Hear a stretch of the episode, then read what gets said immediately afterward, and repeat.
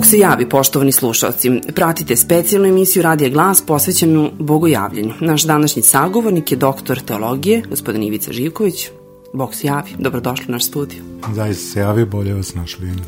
Veliko nam je zadovoljstvo da danas sa vama razgovaramo o prazniku e, bogojavljanja. Može se o njemu zaista govoriti na tako mnogo načina, mnogo je knjiga ispisano na ovu temu, ali mi ćemo probati da eto, iz nekog ugla. Govorimo o ovom prazniku za početak, pa možemo li nekako jednu uopštinu rečenicu ili dve da kažemo o bogojavljanju, ako je tako, tako to moguće, dakle prosto da kažemo šta mi to danas proslavljamo, koji trenutak.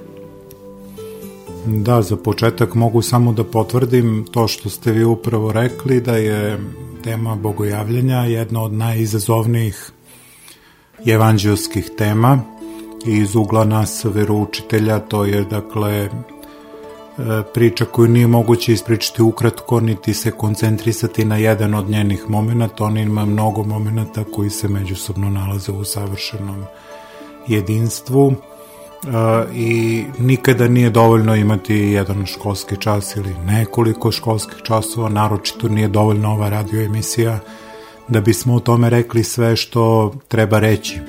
Možda je dovoljno da nagovestimo koje se sve tajne nalaze, dakle, kada smo na tragu te priče, jer na kraju krajeva nije ni moguće o tome sve reći, niti dovoljno reći, Moguće je samo tragati za pravim izrazima koji će doći u dodir sa iskustvom ljudi, onih koji slušaju, naših slušalaca.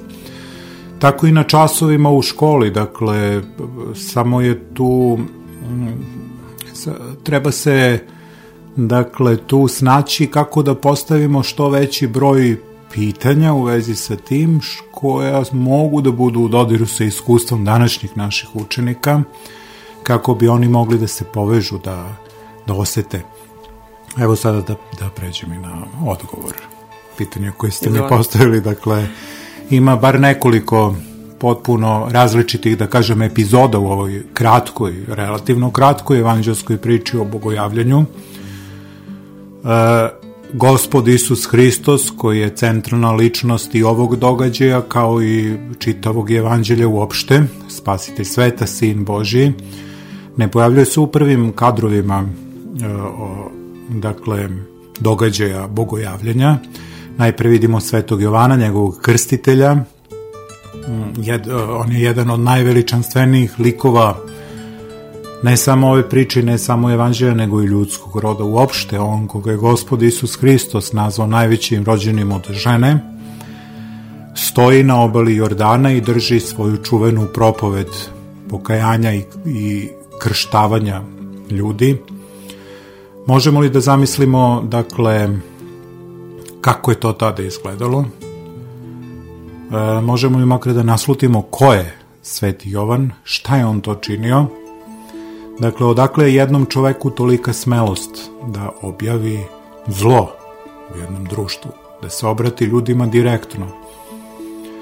Kriza u tadašnjem dakle, njihovom okruženju nije bila ništa manja od ove naše danas, međutim, poruka Svetog Jovana, njegove propovedi bila je da ne možemo više da tražimo izgovore, da ne možemo da polažemo svoju nadu u nekakve nove ideje, akcije, dogovore, e, pozivanje na neke kako da kažem, kolektivne prevrate, promene, već da je potrebno svakom od nas da se zagledamo u sami sebe da vidimo šta je to što, je, što u nama postoji, što doprinosi i održava krizu u kojoj živimo. E, narod je reagovao na to za divljuće, dakle, otvoreno, u masama su dolazili kod njega, slušali su tog velikog proroka, najveću ličnost do Hrista, dakle, prvog čoveka starog zaveta s kojim se zaokružuje jedna više vekovna e, istorija pripreme za dolazak spasitelja. Dakle, on poziva konačno, njegova propoved je poziv na buđenje savesti. On u sebi nekako sublimiše sve starozavetne proroke. I šta on čini? Nije to sad, ne ostaje samo na priči. On ljude krštava, pogružava ih u vodu. Voda ima, dakle, voda je simbol očišćenja Ljudi dolaze, e, ispovedaju mu svoje grehe i on ih krštava ih u vodu, simbolički spira sa njih, sa njihovih duša, sve ono što je njima ležalo na savesti. Čitav ljudski rod, ne samo u toj epohi, nego i vekovima posle toga pati od teške krivice, dakle, koju proizvodi ljudski greh, koji, koje većina ljudi nisu svesni odakle potiče i ne znaju odakle da rešavaju, kako da izađu na kraj sa tim pritiskom. Propoved Svetog Jovana, njegov poziv na pokajanje, krštavanje koje on činio, jeste pravi odgovor, to je najviše što, što je u našim rukama, najviše što čovek može da učini.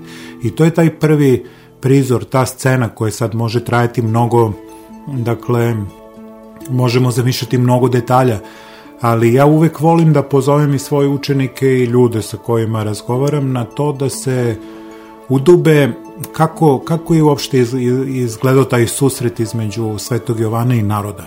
Šta je on njima govorio? Kako bismo, koliko bismo tu mogli da smislimo rečenice, kako bi to izgledalo danas? Koja bi to ličnost mogla se pojavi u javnosti? Šta bi ona imala da kaže ljudima? Evo recimo u našem društvu. Na što bi imala da ih pozove? Da li bi sve ostalo na priči? Šta bi preduzela praktično, kao što je on preduzeo? To je dakle jedna velika tema, jedna tema o kojoj nije dovoljno govoriti ni nekoliko sati, a ona je tek početak ove, ovog našeg, ovog događaja koji danas praznujemo. Ona je tek uvod Dakle, pravi, pravi raspred, da kažem, tek e, predstoji. Potrebno je, dakle, postaviti ljudima ta, tu vrstu pitanja. E, nije stvar u tome reći što više rečenica, niti govoriti mnogo. Treba proveriti šta je ono što današnji čovek osjeća, šta on ima u svom iskustvu. Pitati ga, neka on kaže nekoliko rečenica, pa u zavisnosti od toga šta je on rekao idemo dalje. Nije tu potrebno mnogo priče, potrebno je otvoriti dušu, dakle, dobrim pitanjima, dobrim razgovorom, dakle, čoveka približiti da ne govorimo više o praznicima u nekim formalnim izrazima ili u nečemu što svake godine ponavljamo iz početka, već da pokušamo jednom da dovedemo to u vezu sa našim životom.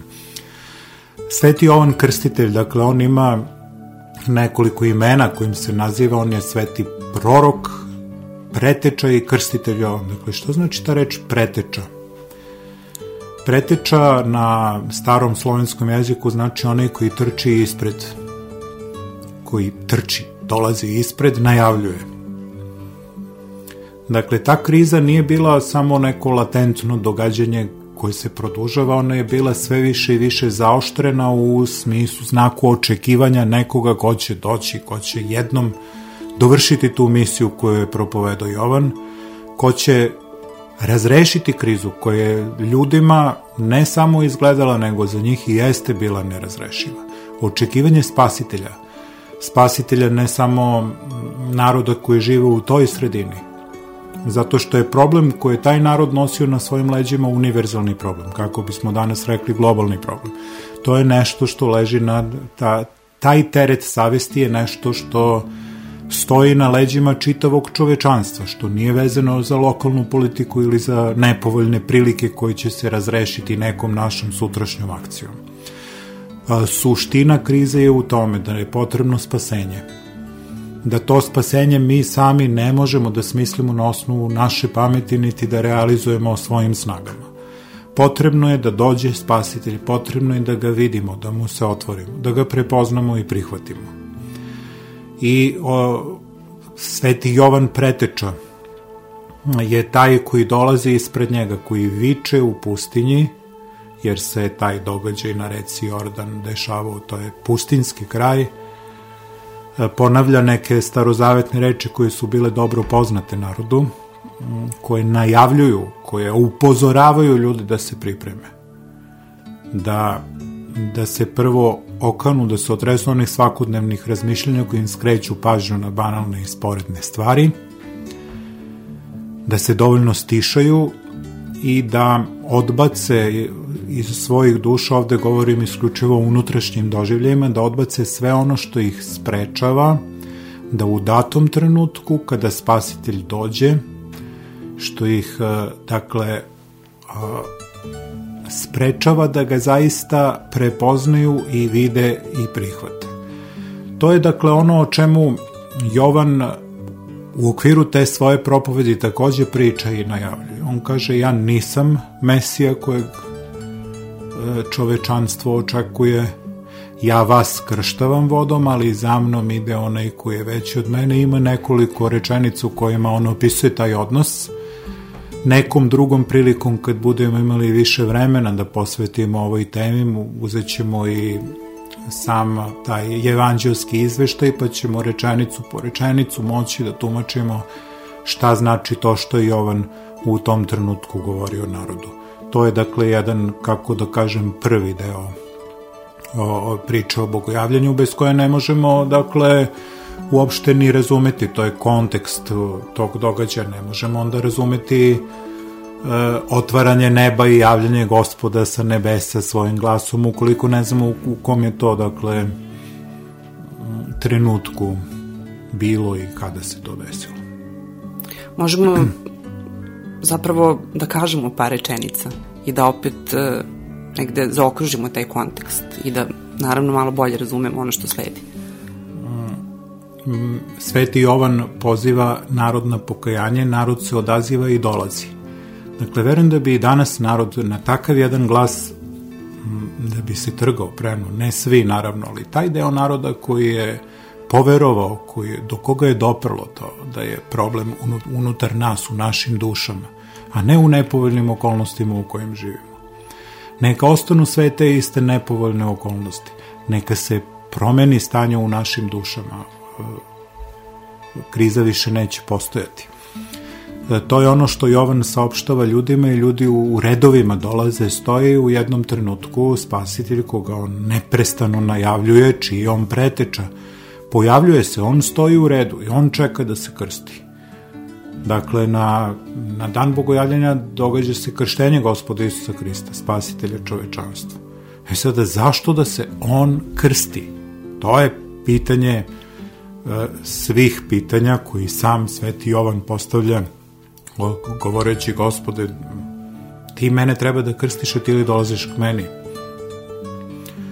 O čemu se radi? Gospod Isus Hristos sin Boži koji je bezgrešan koji nema razloga ovako gledano gledano kako da kažem ovo zemaljski našim, našim ljuds, ljudskim razumom, ljudskom logikom. Nema nikakvog smisla da on stane u red, da on dođe da se krsti, da se pogruzi u vodu. Zašto? Pa zato što se pogružavaju u vodu oni ljudi koji su opterećeni, koji su grešni, ko, koje, kojima je potrebno očišćenje. Šta će njemu očišćenje? Šta je to što njega u tom trenutku okrivljuje, koja je krivica koju on nosi na sebi. E, pogružavanje u vodu, dakle, nije samo nema samo taj pozitivan smisao. Voda je takođe i simbol potopa, uništenja stihije. Voda treba iz nas, iz naših duša da iskoreni sve ono što je uh, za nas uh, nečisto, teško, otrovno, uništavajuće kada se on pogružava u vodu, koji nema svojih grehova, to govori o njemu nešto mnogo više. Zašto je on stao među ljude?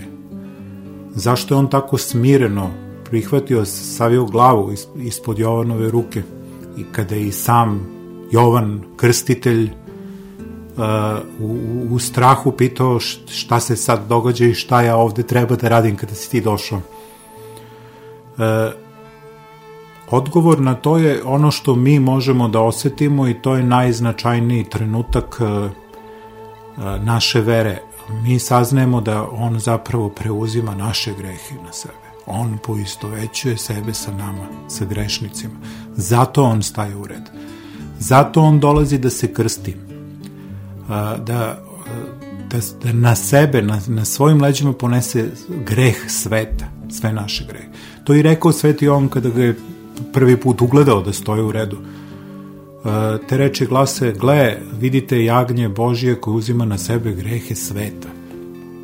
Reč jagnje ima dvostruko značenje, s jedne strane jagnje je simbol nevinosti čistote. A, a s druge strane, u starom zavetu jagnje je simbol žrtve. Dakle, svaki dan je starozavetni bogoizabrani narod prinosio žrtvu za grehe i to, ta žrtva je bila jagnje. Dakle, jagnje je preuzimalo na sebe dakle, čiji greh čitavog čovečanstva vekovima pre Hrista i sada on dolazi kao jagnje Boži. Ovo su sve bili jaganci naši, ljudski, pa mi njih prinosimo umesto sebe, dakle umesto da mi podnesemo sve posledice našeg greha, mi žrtvujemo jagnje i onda tako, to je po gospodnjoj zapovedi, po starozavetnom zakonu, bio način da ljudi budu svesni.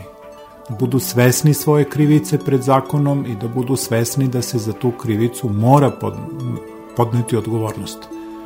Gledajući jagnje koje su svakodnevno žrtvovali.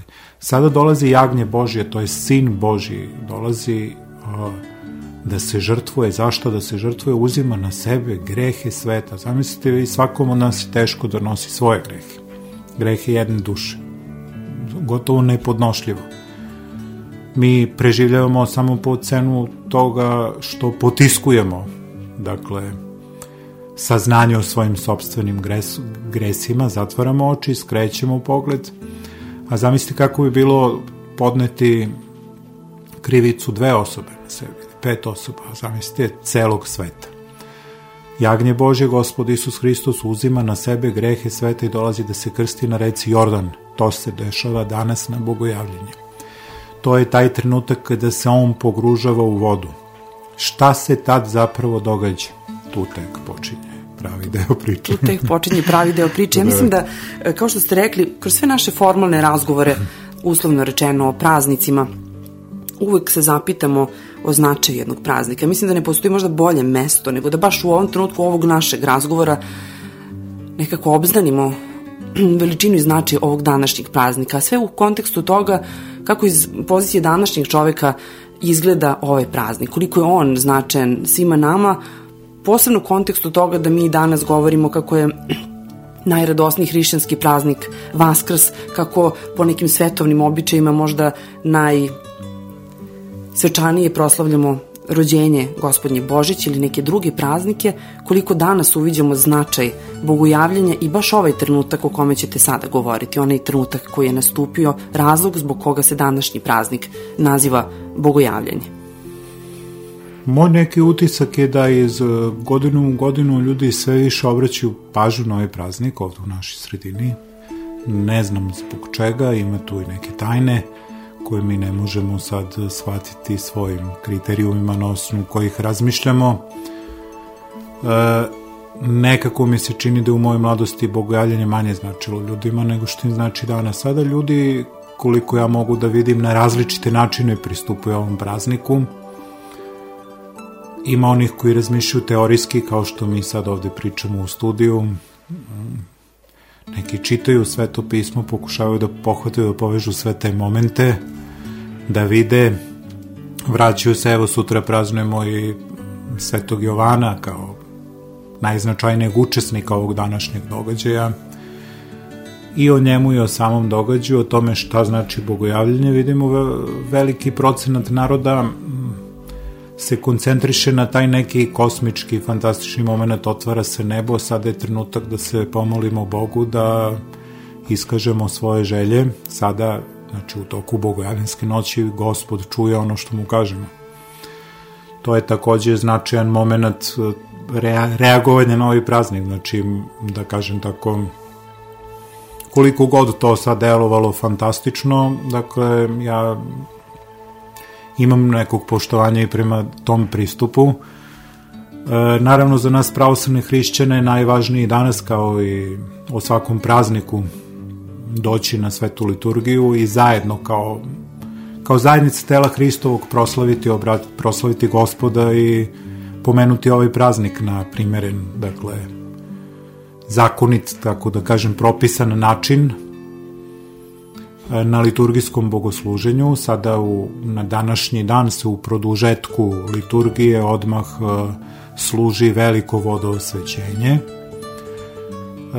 dolaze bake, ljudi, narod sa onim flašama, čekaju, tu sveštenik osveti vodu i onda on deli tu vodu, ljudi nosi svojim kućama. Čuvaju svetu vodicu, sveta voda je veoma važan fenomen i bitan deo naše vere. Mi znamo da u svakom trenutku preko godine čuvamo u svojim domovima svetu vodu, koju smo na današnji dan iz crkve doneli. E, u zavisnosti od stepena naše vere, ta sveta voda može mnogo da znači jednoj porodici, jednom domu, u trenucima kada neko prolazi kroz bolesti, kroz bolove, on se prvo obraća, dakle, to je sad jedan, kako da kažem, hrišćanski stav prema bolestima.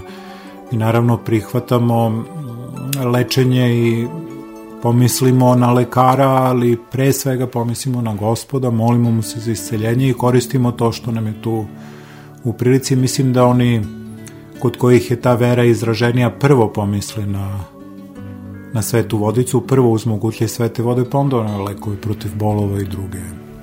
Dakle, druga medicinska sredstva, posle tek odlaze kod lekara. Dakle, to je ono kada smo u poziciji da nam je potrebna Božja pomoć.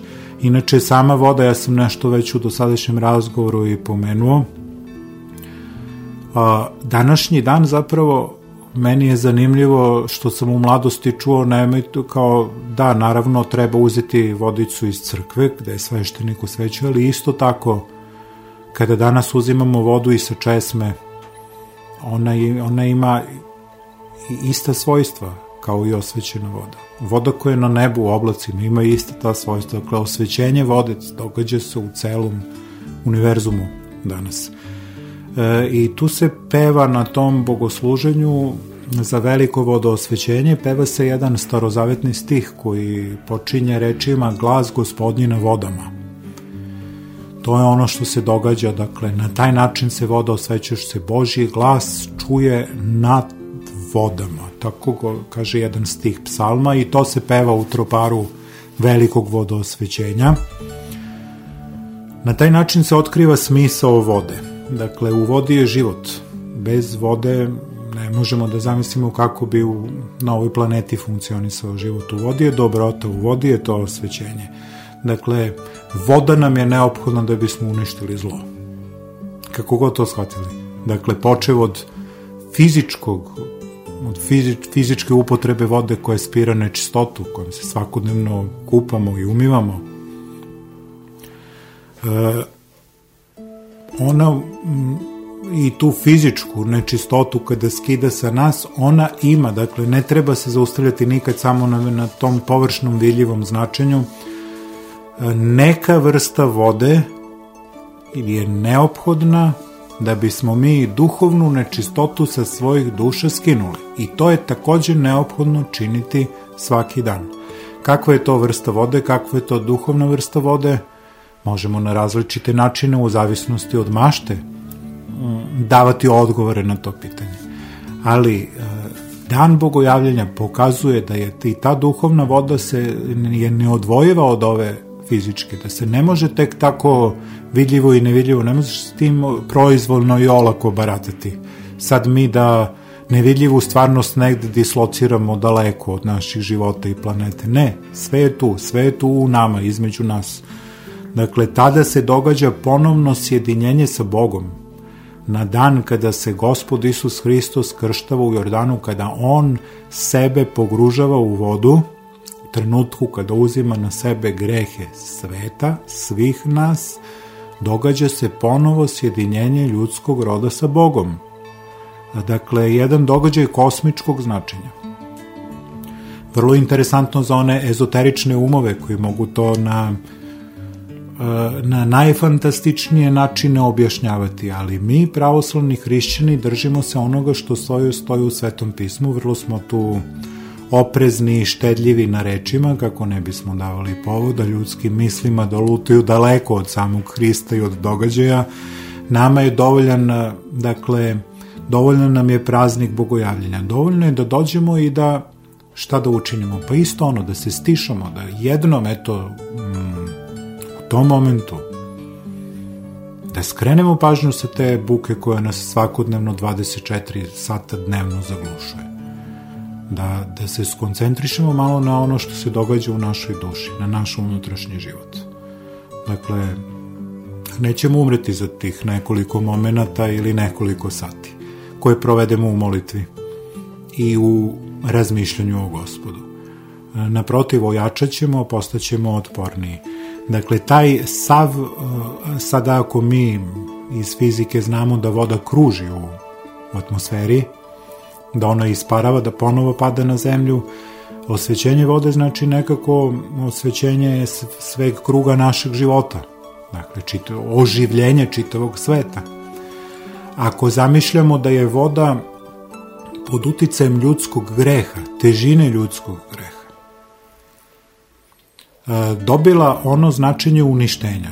Dakle, u vreme potopa, kada je gospod poslao potop na svet, zbog grehova ljudskog roda, učinio je to pomoću vode. Dakle, taj prvi svet u nojevo vreme je uništen pomoću vode. Sada se krštenjem Hristovim događa nešto suprotno tome. Sada se svet spašava, on se očišćuje. E, možemo o tome sad u zavisnosti od toga koliko je ko rečit. Ja bih recimo mogu pričam satima, ali je važno, važnije mi od toga kako da dođem do one jedne reči koja će dirnuti dušu onog ko sluša. Mogu pričam satima da se to ne desi, naravno, to znam i u, i u školi i uopšte u razgovoru sa ljudima. E, nekad se treba pojaviti i reći samo nekoliko reči i to je dovoljno. Dakle, da se pomolimo Bogu kada o tome i pričamo i kada razmišljamo. Da se pomolimo Bogu da nam otvori dušu, da do nas dođe baš ona reč koja nam je u tom trenutku potrebna. A mi koji pričamo takođe da se molimo Bogu da nam stavi tu reč u umove i usta da bismo je rekli kako objasniti osvećenje vode. To je osvećenje čitavog našeg života. Ono se događa u, u zavisnosti od toga šta je učinio gospod Isus Hristos spasitelj. On je sebe poistovetio sa nama, sa najmanjima od nas, sa najvećim grešnicima ljudskog roda, on je sebe poistovetio. I došao je da se krsti zajedno sa svim onim ljudima koji su u tom trenutku sebe smatrali najurim. Naravno, na drugoj strani je bilo onih koji, kojima nije padalo na pamet da se pokaju i da se krste. Uopšte ne govorimo o njima, ni, to je potpuna margina događa u ovom svetu, oni su oni, oni jednostavno nisu bitni, sušti, suštinski događaj se odvija tu. I u tom trenutku kada gospod izlazi iz vode, dolazi do tog trenutka kada se otvara nebo. I to je javljanje Boga. Čuje se glas Oca sa nebesa. Da li je to bila krmljavina, da li ja ne mogu ni dan danas da zamislim kako je taj glas izgledao, ali glas se čuo i to razgovetan glas koji je rekao ovo je sin moj koji je po moje volji, njega slušite. Dakle, sin moj koji po ovoj volji. Gospod sa nebesa otkriva, dakle, veći dokaz. Mnogi danas se bore sa tom dilemom zašto ja, kako ja, na osnovu čega ja da poverujem da je to sad sin Boži i da ja treba da se ponašam da, po njegovom uzoru da bih bio po Božoj volji. Eto, dakle, na dan bogojavljenja, gospod sa nebesa, otvorivši nebo, saopštava celom ljudskom rodu, ovo je sin moj ljubljeni koji po mojoj volji, njega slušajte. Poruka ne za te ljude koji su tad tu bili i to čuli, poruka za sve nas. Jedna od najvažnijih stvari koje je zapisano u Svetom pismu. E, nešto u što, u što treba najpre poverovati. Dakle, nema, ne, nema smisla tražiti uzore na drugom mestu nema smisla e, dovoditi pod sumnju da li ono što je gospod Isus Hristos spasti sveta sin Boži učinio, da li je to po Božjoj volji ili nije. Da, jeste.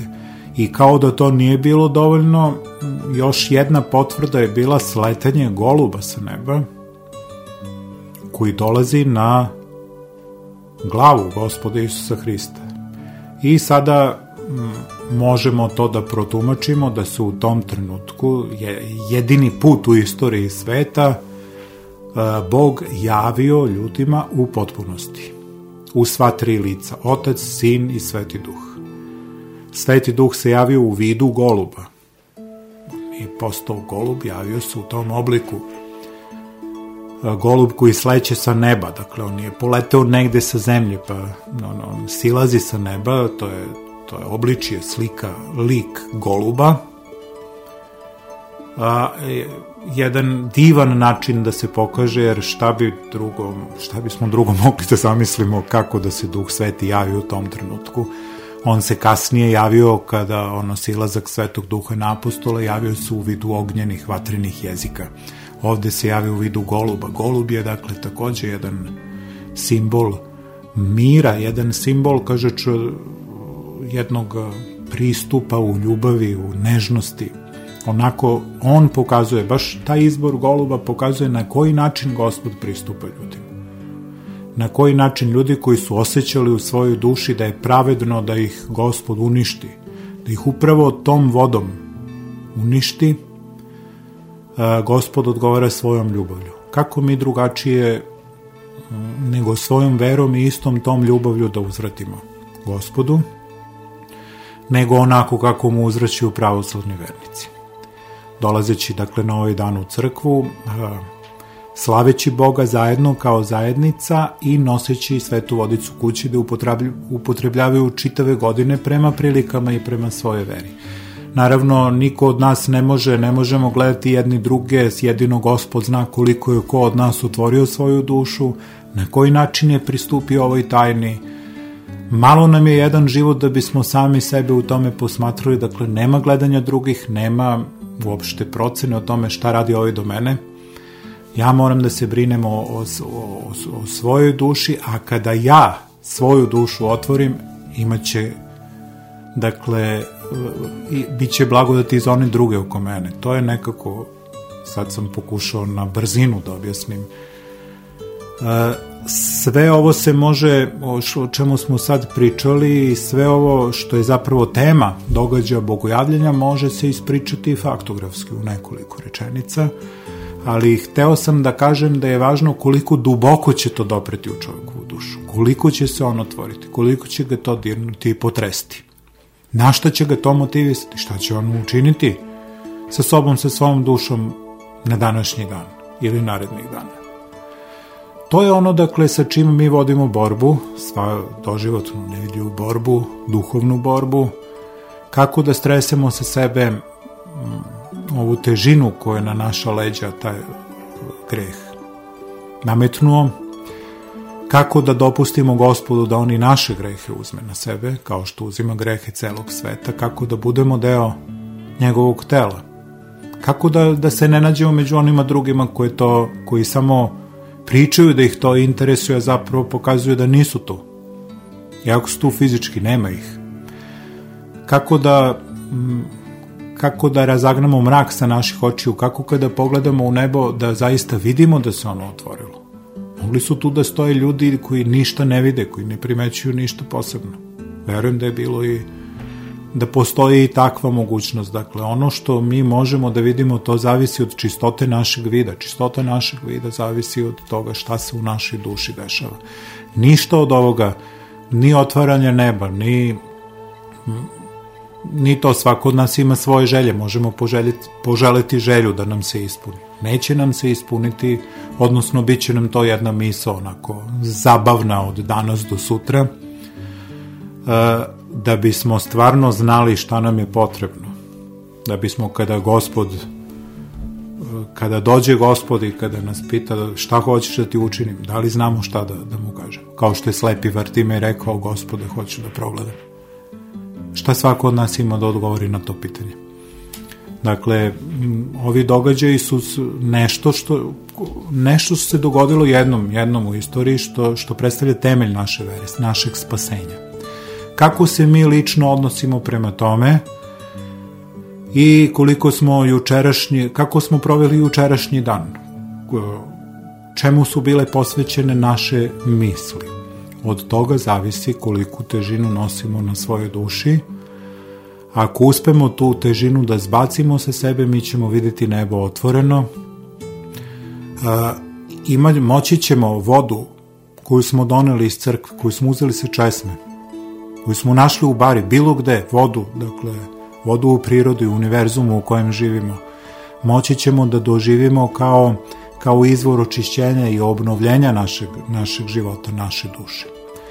Ali to dakle zavisi čovjek je tako stvoren od gospoda da bude slobodno, dostojanstveno biće onaj koji kaže ne, njemu ostaje ne. Dakle, a mi veliki broj nas koji tvrdimo da hoćemo, a u stvari u svom životu pokazujemo nešto drugo i na kraju tek ona kategorija koja ima toliku snagu vere da zaista jednom, jednom se okrene, da, da, da sve ove reči koje, koje slušamo danas u crkvi zaista dobro do njih na pravi način. Gospodine Ivice, pretpostavljam da, da ova emisija jeste nekako govor u prilog tome zašto ste među omiljenim katihitama pravoslavne parhe Niške, zašto deca vole da vas slušaju i mnogi ljudi i zašto mi uživamo u ovim emisijama i tome čemu nas poučite tokom svake emisije. Ali ja bih voljela da za kraj ove emisije da možda celu emisiju svedemo na jedno prosto verovanje svih nas danas, da ono što ćemo odneti kući iz crkve u svojim flašicama jeste ta sveta voda. Ona koja sasvim prosto jeste voda koja čini čuda. Jeste. Zamislimo to, tu vodu koju čuvamo u svom domu, dovedemo u poređenje sa recimo svom ostalom vodom koji se tu nalazi možemo napuniti kadu, sudoperu, druge flaše staviti oko koje ne, da naglasimo to nije sveta voda i onda stanemo, kad uzimamo tu vodu veoma je važno da, da otvorimo svoju dušu prema prema tome, jer zaista ona može da bude kao i bilo koja druga, u zavisnosti od toga šta, šta smo mi, šta mi hoćemo od nje neće nas otrovati, neće nas uništiti. E, to je simbol onoga što gospod čini sa nama. I ono što je posebno divno, voda je materija. Voda je nešto što sa čim dolazimo u dodir svaki dan. Voda je nešto od čega živimo. I on nam upravo kroz to, ono svećuje čitav naš život, kroz gutlje vode koju popijemo. Dakle, posmatrajući svetu vodu, svaki dan u toku godine, ako možemo dovoljno da se udubimo, ako možemo dovoljno da se, kako da kažem, to je moguće razmišljati sve dublje i dublje. E, I zato se ono kaže jednostavno u narodu, ta voda će pomoći onom, onome koji ima vere. Kakva nam je to vera potrebna? Početak te vere je pokajanje, opet se vraćamo na početak priče, Sveti Jovan poziva ljude pokajte se, posmatramo dakle vodu kao nešto što nam preti, nešto što je, dakle, osjećamo krivicu u svojoj duši, ne znamo gde da se okrenemo. Naš život je zatrovan. To vidimo u tome što je ta voda u svetu oko nas, to kruženje vode preteće po nas, osjećamo, dakle, strah, potištenost, nelagodnost sa svih strana i onda u tom trenutku uspemo da se skoncentrišemo. Potrebno je svoju životnu priču dovesti u taj kontekst. Da, upravo ono što nam se desilo jutros, sinoć. Upravo to dovesti u kontekst. Da sada Sveti Jovan poziva negde da krštava ljude, da li bih ja bio taj koji bi potrčao da dođe? Da u tom trenutku vidim gospoda Isusa Hrista, da čujem glas Oca sa nebesa šta, šta bih ja re, u, u, ko, u kojem delu populacije bih se ja našao i kakve to posledice onda ima po moj život. Ta voda koju nosimo kući, ona može da nas asocira na sve ovo, iznova, svaki dan. Svaki dan možemo sve ono što nam se desi, a mi ne znamo šta će nam se još ovog popodneva desiti, možemo unapred pripremati sebe i dočekivati u, u skladu sa onim u što zaista želimo da verujemo. Šta zaista želi naša duša? Hajde da budemo otvoreni, iskreni, sami prema sebi. Hajde da više ne lažemo ni ljude oko nas, ni sebe. Šta mi zapravo želimo od života? Eto, život nam se daje na taj način, ne kroz utvare, kroz priviđenja, kroz senke, daj nam se kroz vodu koju možemo da dodirnemo, da progutamo, da popijemo, koju možemo da se umijemo. Dakle, nije bajka, nisu priče. Ta voda je sveta. Ta voda će ostati i posle nekoliko godina čista, kao da smo je malo čas uzeli. Dakle, ona pokazuje njena nepropadljivost, njena čistota, njena snaga. Mnoge ljude je ta voda iscelila. Daleko više od bilo kojih lekova, vakcina, snaga čovekove volje. To je ono što nama daje imunitet i što nama daje zdravlje. Čistota naše vere. A sve bolesti, sve epidemije, sve ostalo nam je došlo kao, kao jedna slika greha i to ne kao kazna, već samo kao upozorenje kojim smo to mi putem pošli i da li treba i sutra tim putevima da nastavimo. Govorim sada o čitavom čovečanstvu jer u pitanju je globalni događaj, ali i u životu svakog od nas. Dakle, sve što nam se desi, bilo koji nemili događaj ili neraspoloženje ili bol, bolest, sve je to upozorenje, sve je to na dobro naših duša. Sveta vodica je tu u našem domu. Eto, želeli smo da je uzmemo, hteli smo, imali smo dovoljno vere da dođemo danas u crkvu, da uzmemo svetu vodicu, da je odnesemo kući. Dovoljno je, to je dobar početak. Hajde sada da čitav svoj život po, polako počinjemo da odmotavamo, da odvijamo deo po deo, svaki dan, ono što, nam, što će nam se desiti. Da pokušamo nekako da dovedemo u taj kontekst. Nije teško, dakle, voda, nisu nikak, u pitanju nikakve teške filozofske formule. Voda. Voda nam je potrebna za život. Vodom se čistimo. Voda može i da nas uništi današnjim događajem krštenjem gospoda Isusa Hrista, njegovim pogruženjem u vodu. Osvećuje se čitav kosmički krug vode u svetu. Tako svake godine iznova. Taj događaj se, to se dogodilo jednom. Jednom se dogodilo u istoriji za večnost. To što mi u crkvi svake godine iznova praznujemo. To znači da mi dajemo svakom da, da, da gospod Isus Hristos svakom novom pokolenju, svakoj novoj generaciji daje priliku da dođe i da, da samo učestvuje u tom događaju. To što, što ako smo mi danas otišli u crku, znači mi učestvujemo u tome, to se sad, ta tajna se sad događa za nas. Mi smo taj narod koji, koji dolazi u neposredan dodir sa, sa bogojavljanjem. To je ono što mi čujemo i to je ono kako se taj događaj koji se jednom u istoriji desio za život i spasenje sveta produžuje kako bi uključio u sebe sve ljude koji će se roditi do kraja istorije. Ja imam još e, brojna pitanja, verujem da i naši slušalci imaju na pameti neka od tih pitanja, ali sam nekako sigurna da smo dovoljno pitanja i stvari rekli danas za razmišljanje, pa tako pozivam sve one koji su slušali cijelu ovu emisiju, a žele da je slušaju ponovo, ili su ulovili tek deo ove emisije, žele da je čuju celu, da to učine u repriznom terminu danas od 22 sata. Takođe, za sve one koji misle da imaju dovoljno vremena i da mogu da odlože trenutak kada će porazmisliti o ovoj temi, to mogu učiniti bilo kog drugog dana, pošto će ova emisija biti i na našem sajtu radioglas.rs. A meni ostaje još da nedorečenog čini mi se i ostavim doktor Ivica Živkovića u ovom da, uvek, trenutku. Uvek zapravo kada govorimo o tajnama naše vere i o praznicima treba ostaviti sve nedorečeno. Zašto? Meni je jako nelagodno kada pričam evo u studiju jednostrano, kada se obraćam e, slušalcima, ne znajući sad šta oni čuju, kako oni to doživljavaju, da li je to njima nekako daleko od njihovih srca.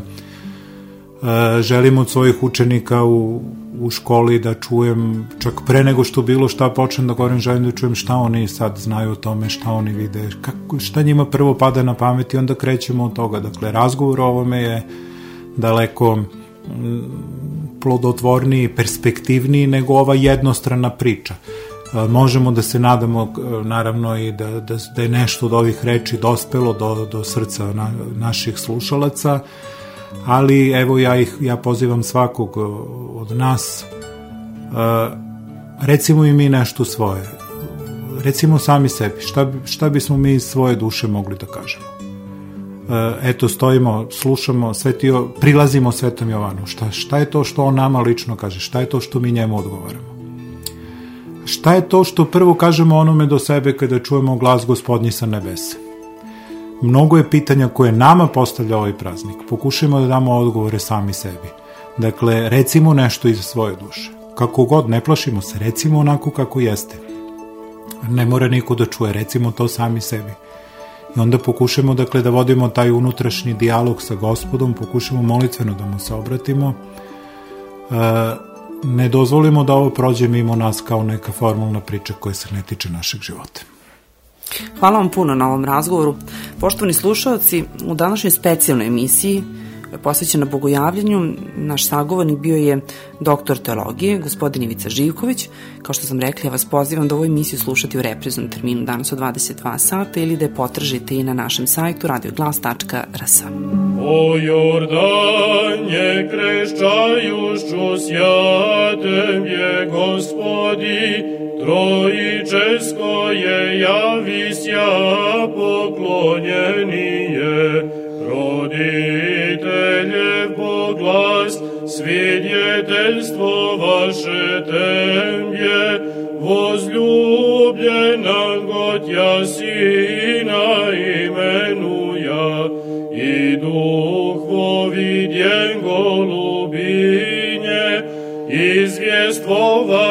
slove se utveždenije, javljej sja Hriste Bože, i mir prosvješćej, slava